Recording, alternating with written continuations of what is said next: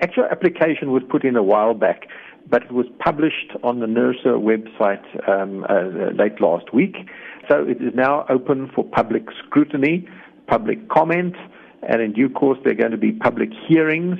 And on the 1st of April, uh, there will be a price increase. Uh, that's the 1st of April 2018. And of course, NERSA will consider Eskom's application line by line, uh, point by point, and uh, decide on uh, what it is going to allow and what it's not. So they're basically asking for 19.9% increase.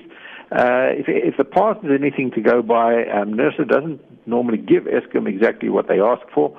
Uh, so it might juice somewhat below 19%, and that's NERSA's job is to make sure that only uh, fair costs are passed through to the customer in the tariff. Jelen sê Suid-Afrikaners het nie nodig om so duur te betaal vir kragvoorsiening nie. Eskom moet net sy sokkies optrek wat betref die aanwending van hernubare kragbronne. The reality is that in the past renewable energy has in fact been more expensive and in the first 3 bid windows um of the renewable energy IPP program um in fact the first 4 bid windows uh the price of um renewable energy is higher than coal But uh, in the latest round, uh, which is known as the bid window 4 expedited round, the prices of renewable energy, that is wind and solar PV, dropped significantly lower uh, than new coal. So what I'm saying is that if you're going to build new plants, the cost of electricity from new renewable energy plants going forward is cheaper than the cost of electricity from new coal or nuclear plants going forward. So it makes uh, economic sense to continue with the renewable energy program because the new plants that are going to come on stream will be providing electricity uh, cheaper than coal. Hy sê nie net sal die verbruiker minder aan elektrisiteitsvoorsieningskoste betaal nie, maar hernubare kragbronne is ook goed vir die omgewing.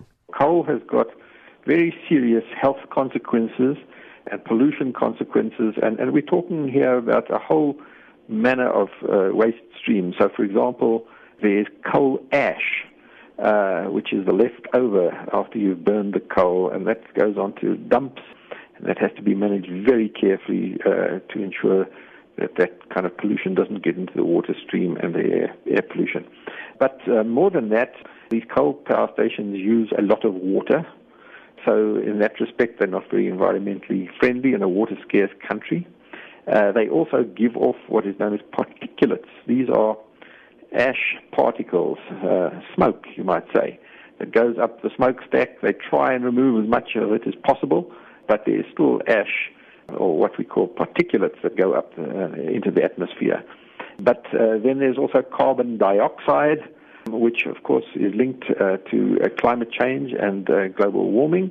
And then there are poisonous gases uh, such as nitrous oxides and sulfur oxides, which are, are poisonous. Uh, and, and unfortunately, when it rains, the combination of rain plus these nitrous oxides, sulfur oxides, comes down as acid rain uh, and that also causes uh, problems when it reaches the ground.